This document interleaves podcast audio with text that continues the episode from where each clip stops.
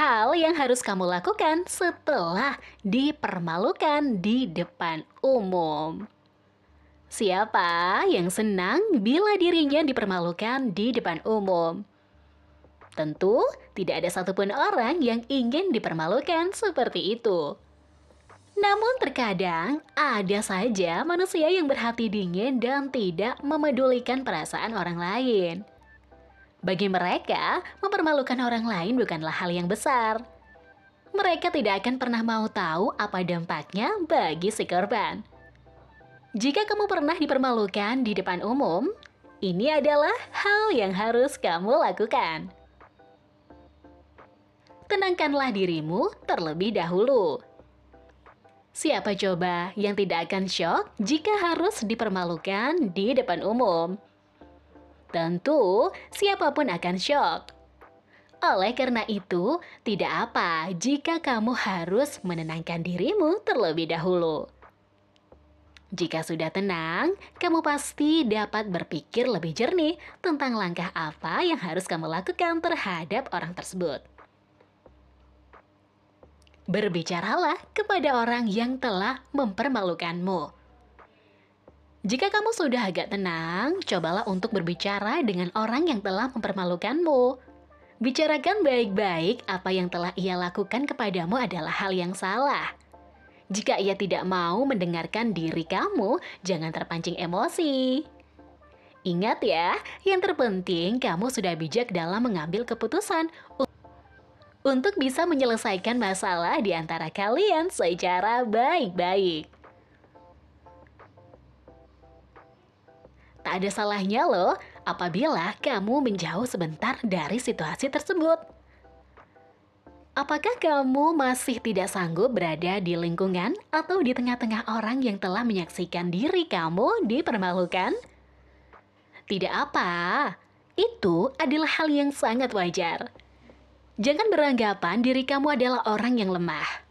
Semua orang pasti butuh waktu mereka masing-masing, apalagi jika sudah dipermalukan di depan orang banyak.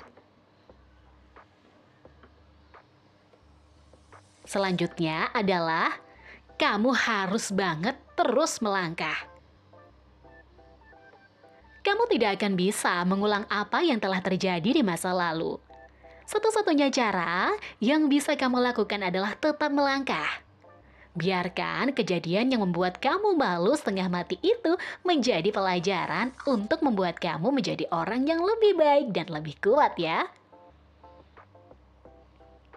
Tak perlu menyalahkan dirimu sendiri.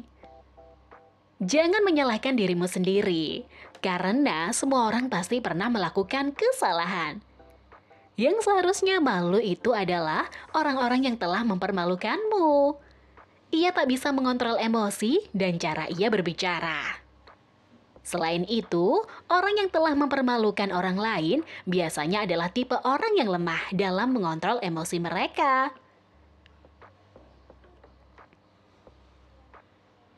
Dan yang terakhir, tak perlu khawatir bahwa orang lain akan menilaimu buruk.